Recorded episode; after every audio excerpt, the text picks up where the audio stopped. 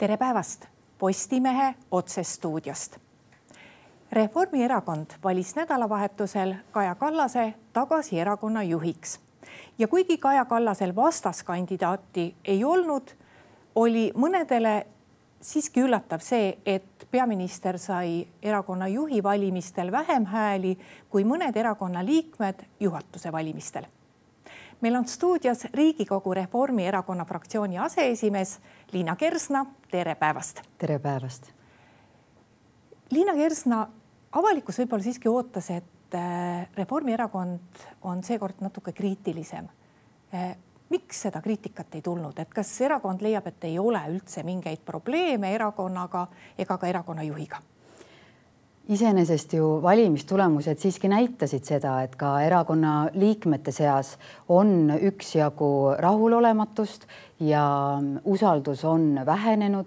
kui me vaatame Kaja Kallase eh, valimistulemusi eh, erakonna sisevalimistel, siis eh, aastal kaks tuhat kaheksateist sai Kaja Kallas üle tuhande hääle, kaks tuhat kakskümmend ligi tuhat häält, seekord kuussada kolmkümmend kuus häält mis on küll täiesti korralik mandaat erakonna juhtimiseks, aga siiski me ei saa öelda seda, et eh, erakonna liikmed ei näidanud välja oma meelsust. jah, osad erakonna liikmed ja täitsa märkimisväärne hulk erakonna liikmetest on siiski umbusklikumad, kui nad on olnud varem aga selliseid arutelusid erakonna langeva reitingu teemal teil ei olnud, et erakonna liikmed on nõus sellega, et reiting langeb seetõttu, noh, nii nagu peaminister ja erakonna juht seda ka selgitas, seetõttu, et erakond peab tegema praegu raskeid otsuseid.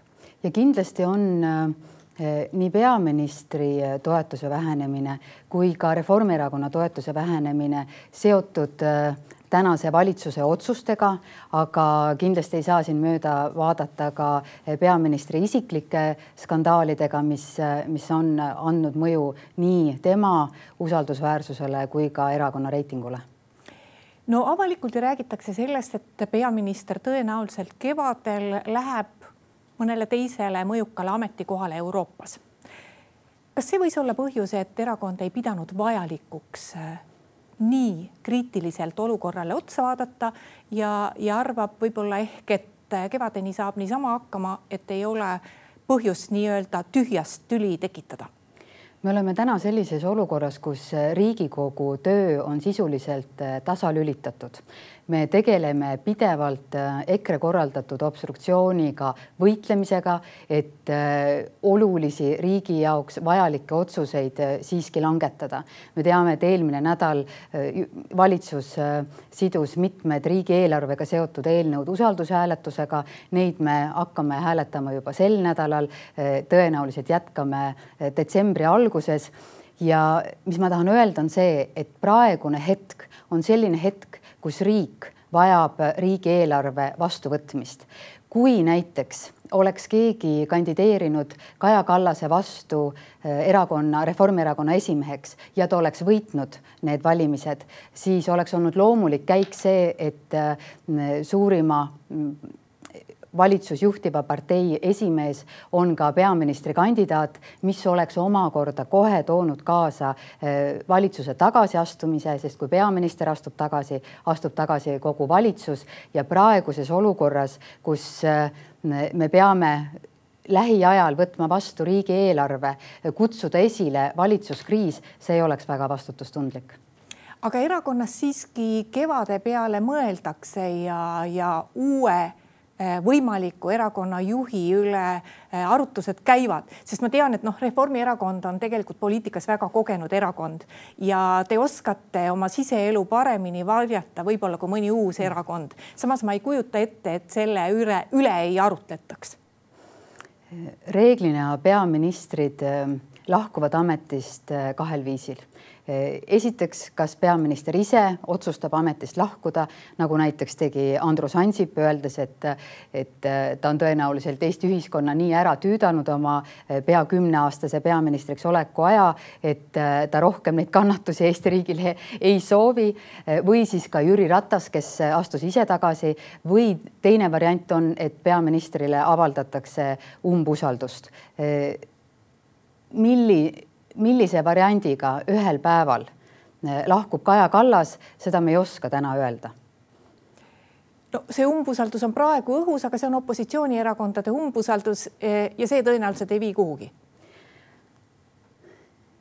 valitsuste puhul eh, minu kogemus näitab seda, et üks asi on see, eh, mis toimub avalikkuses ja teine asi on see, mis toimub otsustamiste laua taga majanduslanguse ajal aastal kaks tuhat üheksa, kui ma töötasin Stenbocki majas, siis ma mäletan hästi seda selguse momenti, kus Mart Laar Stenbocki maja ukse ees andis intervjuusid sellest, kuidas riigieelarvet on vaja otsustavalt kärpida ja kui me jõudsime Terrase saali, kus valitsus siis arutas neid võimalikke kärpeid, siis Isamaa ütles, et ühte ei saa kärpida, teist ei saa kärpida, aga lõpuks muidugi jõuti kokku. täna ma näen sarnast situatsiooni, kus valitsus, kuhu kuulub äh, ka Sotsiaaldemokraatlik Erakond ja ka Lauri Läänemets ja Eesti kakssada, sealhulgas Kristina Kallas Eesti kahesaja esindajana, nad on üheskoos võtnud vastu järgmise aasta riigieelarve, kõik nad on hääletanud selle riigieelarve poolt. Ja nüüd kuu aega pärast seda, kui valitsus on eelarve vastu võtnud, kuuleme me, et ikkagi nende palkasid oleks vaja tõsta ja veel nende palkasid oleks vaja tõsta et ähm, et kui on üks valitsus, siis peaks olema see üks valitsus, kes esindab ka valitsuspoliitikat. täna me meedias näeme seda, et seda ühtsust ei ole, aga ma olen täitsa kindel, et seda ühtsust püütakse leida. no kui me juba palkadeni jõudsime, siis praegu on õpetajate streik õhus. Eh, kus te näete praegu seda lahendust, et kas tõesti, no te olete haridusminister olnud, kas tõesti ei ole võimalik ministeeriumil Eh, endal leida kärpekohti, nii nagu ütleb praegune minister Kristina Kallas. kas tõepoolest ei ole võimalik neid eh, kärpekohti leida või seda lisaraha leida, kui me korralikult koolivõrgu ära reformime või, või tõepoolest on niimoodi, nagu ütlevad tõesti teie koalitsioonipartnerid, et aga leidke eelarvesse raha ja Reformierakond ütleb, et ei leia ja siis me olemegi silmitsi õpetajate streigiga. kuidas teie ministrina teeksite? esiteks äh, ma olen täiesti veendunud, et me ei oleks tohtinud sellisesse hetke üldse jõuda, kus me täna oleme, kus äh, õpetajad tõesti äh, reaalselt ähvardavad streigiga ja juba ka planeerivad streiki, sest laste haridus on nende põhiseaduslik õigus ja õpetajate streik kindlasti seda põhiseaduslikku õigust oluliselt riivab ja nii minister kui ka valitsus peavad tegema kõik endast oleneva selleks, et seda streiki ära hoida, et meie lapsed saaksid käia koolis. nüüd, kas õpetajatel on põhjust streikida? kui me näiteks vaatame võrdluses kahe tuhande viieteistkümnendat aastat ja kahe tuhande kahekümne neljanda aasta planeeritud kulusid, siis meie majandus on jooksevhindades kasvanud selle ajaga sada üks protsenti. Avaliku sektori kulutused sada seitse protsenti, aga õpetajate keskmine palk on selle ajaga kasvanud kaheksakümmend kaheksa protsenti, mis tähendab, et äh, õpetajatel tõesti on põhjust streikida. siin oluline asi, mida ma äh, veel tegelikult äh, valitsusele ja haridusministrile ka ette heidaksin, on ootuste juhtimine. et ähm, tõesti, koalitsioonilepingus on kirjas, et nelja aastaga eh, püütakse jõuda saja kahekümne protsendini riigi keskmisest. täna on õpetaja keskmine palk riigi keskmisega võrreldes sada üksteist koma viis protsenti kui läheb nii, nagu täna on valitsus juba otsustanud, et eh, õpetajate palkadesse lisatakse eh, kakskümmend kolm koma seitse miljonit eurot, mis on neli koma kolm protsenti palgafondi kasvu, siis suhe keskmisesse langeb saja üheksa koma viie peale kui mina oleksin olnud haridusminister, siis kindlasti ei oleks ma leppinud sellega, et suhe eh, riigi keskmisesse langeb, sest siis me tõesti ei liigu oma eesmärgi suunas.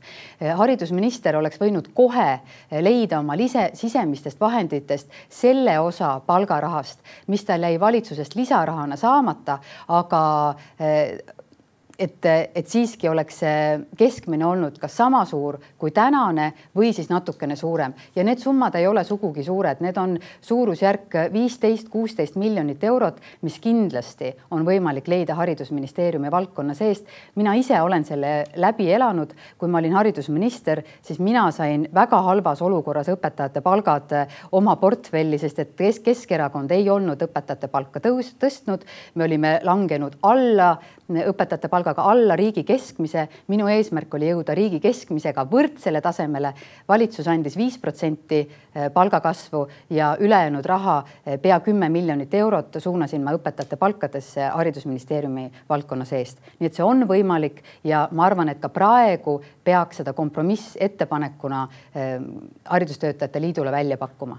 et seda, äh, seda kinnitust, mida haridustöötajad praegu tahavad, et neil oleks kindel see sada kakskümmend protsenti Eesti keskmiseks aastaks kaks tuhat kakskümmend seitse, et äh, seda varianti te ei näe, et äh, minister saaks minna ja sellise leppe sõlmida nii nagu ütleb meil äh, vanasõna, et äh, tuult külvad, tormi lõikad. Ja tõesti äh, sellise ootuse tekitamine, et valitsus praegu saaks anda pikaajalisi lubadusi, on ka vastutustundetu, sest et riigi eelarvestrateegia koostamisel on oma protseduur, oma ajaraam ja täna valitsusel ei ole võimalik anda lubadusi aastaks kaks tuhat kakskümmend viis, kaks tuhat kakskümmend kuus ja edasi. küll aga saab täna valitsus muuta järgmise aasta riigieelarve seadust niimoodi, et äh, õpetajate miinimumpalk tõuseks näiteks kas neli protsenti või viis protsenti,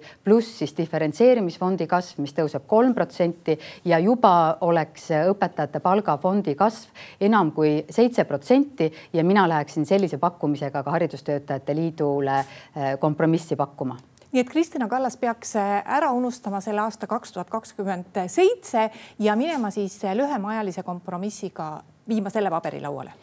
kindlasti eesmärk, et me peame liikuma saja kahekümne protsendi juurde riigi keskmisest õpetajate palgaga, see peab jääma ja see on ka koalitsioonilepingus sees. ja loomulikult on iga haridusministri unistus, sealhulgas ka minu unistus omal ajal, et meil oleks äh, riigieelarve strateegias, nii nagu praegu näiteks kõrghariduse rahastamine on riigieelarve strateegias kokku lepitud pikaajaliselt, et oleks ka õpetajate palk niimoodi kokku lepitud, aga neid kokkuleppeid tehakse riigieelarve menetlemise ja riigieelarve eelarvestrateegia menetlemise käigus, mitte vahepeal. praegu ei ole see õige hetk, nii et eesmärgist kindlasti ei tohi äh, taganeda ja sellest kindlasti ei tagane ka haridusminister, aga praegu selleks, et streiki ära hoida, peaks leidma kui valitsus ei anna lisaraha, siis haridusvaldkonna seest need äh, viisteist kuni kakskümmend miljonit eurot selleks, et äh, see hariduskriis siis ära hoida no täna on Riigikogus üsna palju elevust tekitamas juba kohe tulevad Riigikogu menetlusse tulevad eelnõud, mis valitsus on otsustanud äh, siduda usaldusega. Eh, kas teie hinnangul on see ilmtingimata vajalik, on need nüüd need eelnõud, mis paratamatult on seotud riigieelarve vastuvõtmisega? Ja need äh, on täiesti selgelt seotud riigieelarve vastuvõtmisega, nad on siis seotud kas riigieelarve tulude või kuludega ja, ja need, e, need peavad olema vastu võetud enne, kui riigieelarve ise on Riigikogus vastu võetud. Ehm, me oleme kokku arvutanud, et ehm, kui me hakkaksime läbi hääletama neid kahte tuhandet seitsesadat muudatusettepanekut, mida nendele seaduseelnõudele on EKRE poolt tehtud ja kui EKRE eh, obstruktsiooni korras iga muudatuse, muudatusettepaneku hääletuse eel võtab kümme minutit vaheaega, siis me hääletaksime Riigikogus neid muudatusettepanekuid pea pool aastat. selline töökorraldus ei tule kõne alla. Need on vaja siduda usaldushääletusega, siin ei ole teist varianti no korra sai juba vihjatud ka, et äh, ega koalitsioonis praegu kõiges üksmeelt ei ole ja koalitsioonipartnerid tahavad olla pildil ka sellega, et nad ei taha siduda ennast kogu selle negatiivsega, mis äh, nende väljaütlemise järgi siis Reformierakond on tekitanud, ehk need on needsamad palgad. et äh, siseministril on need päästjate palgad, haridusministril on need haridustöötajate palgad. aga kui äh, kui jätkusuutlik praegu koalitsioon üleüldse on ja kas me lähitulevikus, arvestades seda, et Reformierakonna noh, toetus on praegu, tähendab Reformierakonna nii-öelda Riigikogu liikmete arv on ühe võrra suurem, ehk siis teil on üks koht juures. et kas ühel hetkel, kui see koalitsioonipartneritega nagelemine läheb väga hulluks, võite te kaaluda ka seda, et teil on uus koalitsioon kahe erakonnaga nii nagu ma ütlesin, siis mulle tundub, et äh, koalitsioonide tervis äh, ajakirjanduse vahendusel tundub äh, hullem, hullem, kui ta tegelikult on.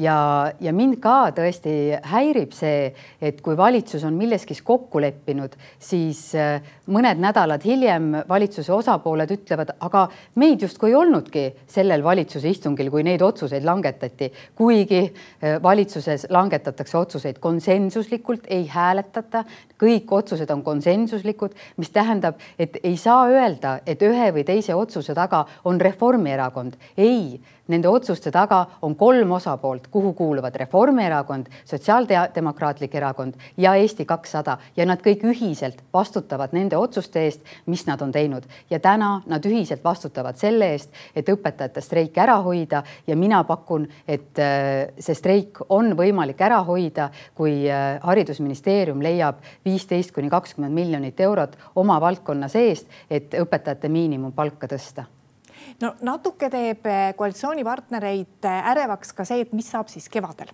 sest on ju teada, et juhul kui Kaja Kallas peaks lahkuma, siis peaministri lahkumine tähendab seda, et kogu valitsus astub tagasi ja kui teie erakonnast eh, tuleb uus erakonna esimees, siis ehk siis tulebki uus peaminister, siis tõenäoliselt on tal oma sõna öelda ka selles, missugune saab olema äh, koalitsioon. Ja välistatud ei ole ka see ju, et koalitsioon, koalitsioonileping võetakse sel juhul lahti, sest äh, tõenäoliselt äh, need on väga ambitsioonikad inimesed, kes võivad saada Kaja Kallase asemele ja üsna selge on see, et nad ei tee kõike samamoodi. Et.... jah, loomulikult, et kui tahta muutust, siis on vaja muuta ja mm, kui mitte muutust tahta, siis on vaja teha asju eh, nii, nagu neid on alati tehtud. ma tõesti ei langeks nende spekulatsioonide, ehm, spekulatsioonidega kaasa, et eh, mis toimub kevadel, me tõesti ei tea, eh, millised on Kaja Kallase plaanid.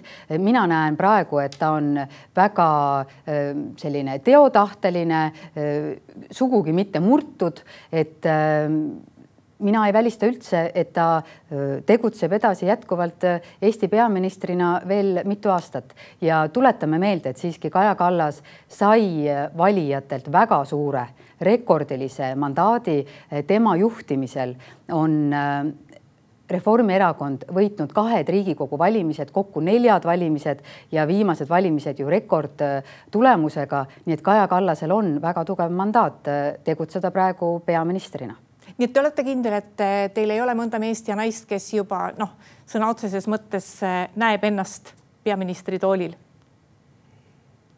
mitte ükski peaminister eh, ei, ei jää oma toolile igaveseks.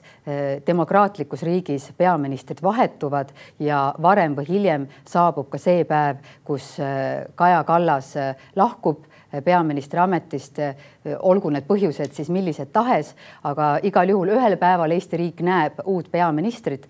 kes see peaminister saab olema, seda ei oska mina küll täna öelda eh, vahepea, see kevadel on ju veel tegelikult eh, Euroopa Parlamendi valimised ja arvestades, et Reformierakonnal on eh, päris mitu kindlasti väga head kandidaati, siis läheb tõenäoliselt päris kõvaks rebimiseks, et kuidas te seda protsessi ennustate, näiteks kas teil endal on ambitsioon minna Euroopasse, Euroopa Parlamenti? ei, minul kindlasti ei ole ambitsiooni minna Euroopa Parlamenti ja meil on tõesti väga palju häid kandidaate. üldiselt on olnud Reformierakonnas tava, et eh, istuv peaminister ei kandideeri Euroopa Parlamenti. mäletan hästi, et kui peaminister Andrus Ansip astus eh, peaministri ametikohalt tagasi, siis tulid ka Euroopa Parlamendi valimised ja, ja siis äh, erakond otsustas, et, äh, et äh, Andrus Ansip kandideerib ka Euroopa Parlamenti, aga siis ta oli juba tõesti peaministri ametist tagasi astunud. nii et ähm, üldine tava on olnud see, et peaminister ei kandideeri Euroopa Parlamendi, aga see ei tähenda, et see peaks alati niimoodi jääma, et ja see on ikkagi eelkõige Kaja Kallase otsustada ja et lõpetaks veel Riigikogu teemal, et äh, tõenäoliselt äh, tuleb eelarve ka usaldushääletusega, sest et äh, teist varianti siin reaalset varianti lihtsalt ei ole. mis te prognoosite? praegu opositsioonierakonnad, EKRE eelkõige panustab sellele, et president äkki siis ei kuuluta eelarvet välja. mis te prognoosite, kas eelarve saab sellel aastal vastu võetud ja kui palju ütlemist tuleb Toompeal Kadrioruga sel samal teemal, et äh, liiga palju eelnõusid saab äh, usaldusega äh, läbitud nii-öelda parlamendi voor, vooru siis. nii nagu Juhan Viiding on ühes oma luuletuses kirjutanud, elus olla, siin on õudset riski, verd ja higi, puid ja lilli ka. nii et selgelt see on riskantne aga praegustes oludes eh, ei ole ka muud varianti ja ma usun, et ka presidenti on hoitud kursis sellega, mis meil Riigikogus toimub, kui pikaajaliselt eh, on takistatud riigieelarve vastuvõtmist. Eh, me näeme Riigikogus seda, kuidas EKRE enda koostatud otsuse eelnõudele teeb ise viiskümmend pluss muudatusettepanekut, et oma otsuse eelnõusid muuta mm, või teeb kakssada pluss muudatusettepanekut sellistele eelnõudele, mida nad ise ka kõvahäälselt toetavad ja nad ei, ei varja seda kuidagi, et selle eesmärk on Riigikogu tööd takistada ja see on neil õnnestunud ja riigieelarve on kõige tähtsam seaduseelnõu, mida Riigikogu üldse menetleb ja riigil on vaja eelarvet ja ma arvan, et seetõttu on täiesti põhjendatud nii laiaulatusliku obstruktsiooni keskkonnas, et see usaldat- või seotakse usaldusega ja ma usun, et ka president mõistab seda. aitäh, Liina Kersna tulemast Postimehe saatesse. aitäh küsimast. Ja aitäh ka kõigile neile, kes meid vaatasid. Postimehe järgmine otsesaade on eetris juba homme. seniks lugege uudiseid postimees.ee Thank you